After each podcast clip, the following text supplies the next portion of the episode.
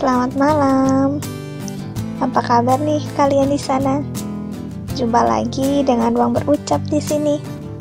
Terima kasih ya telah kembali singgah dari perjumpaan kita pekan lalu.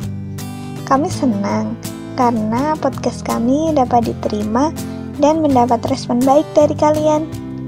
Ruang berucap akan selalu setia untuk menjadi pendengar yang baik yang tanpa harus menghakimi setiap cerita dari kalian semua. Selamat mendengarkan. Hai, lagi di mana nih kalian?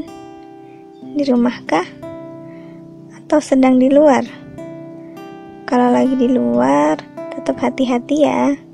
Dan juga tetap jaga kesehatan. Dalam masa pandemi ini, tentunya bikin kalian jenuh ya.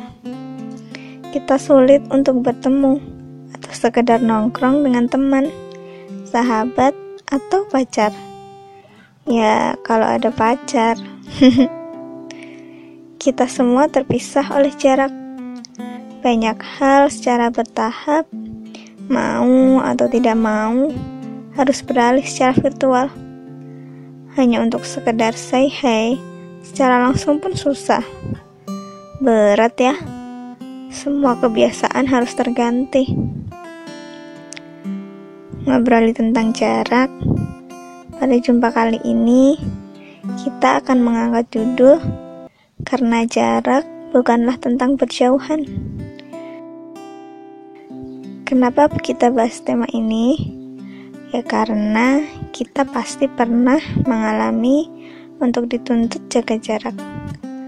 Entah jaga jarak karena pertemanan, jaga jarak karena diminta oleh pasangan kita, dan untuk sekarang kita dituntut untuk jaga jarak demi menolong dunia.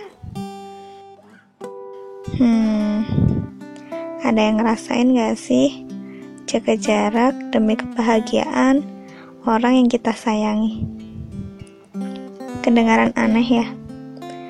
Atau gak pernah terlintas sedikit pun di benak kita ada hal seperti itu?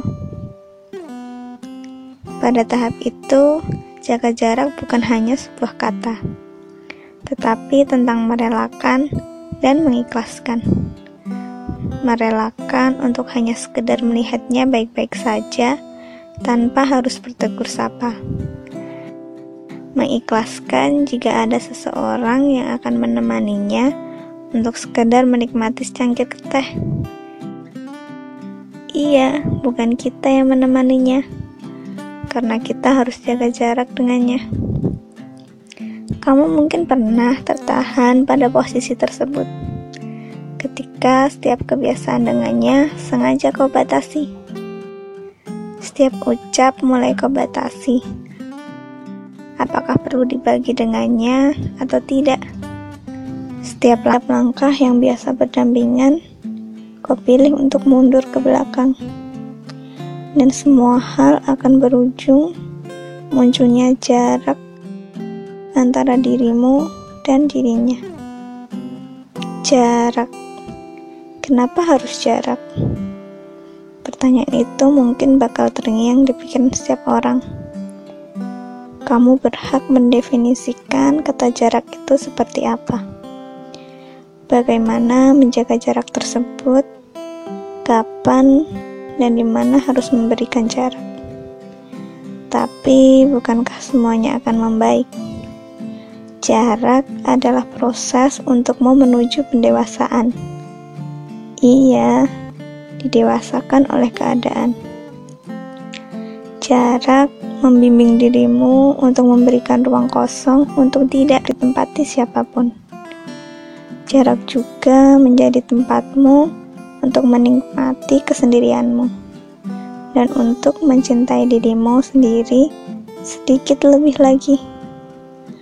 Karena sering terjadi kita jaga jarak demi kepentingan orang lain, namun melupakan kepentingan sendiri-sendiri. Jadi, kita harus adil juga sama diri sendiri, di mana jarak harus baik buat dirimu sendiri dan juga untuknya.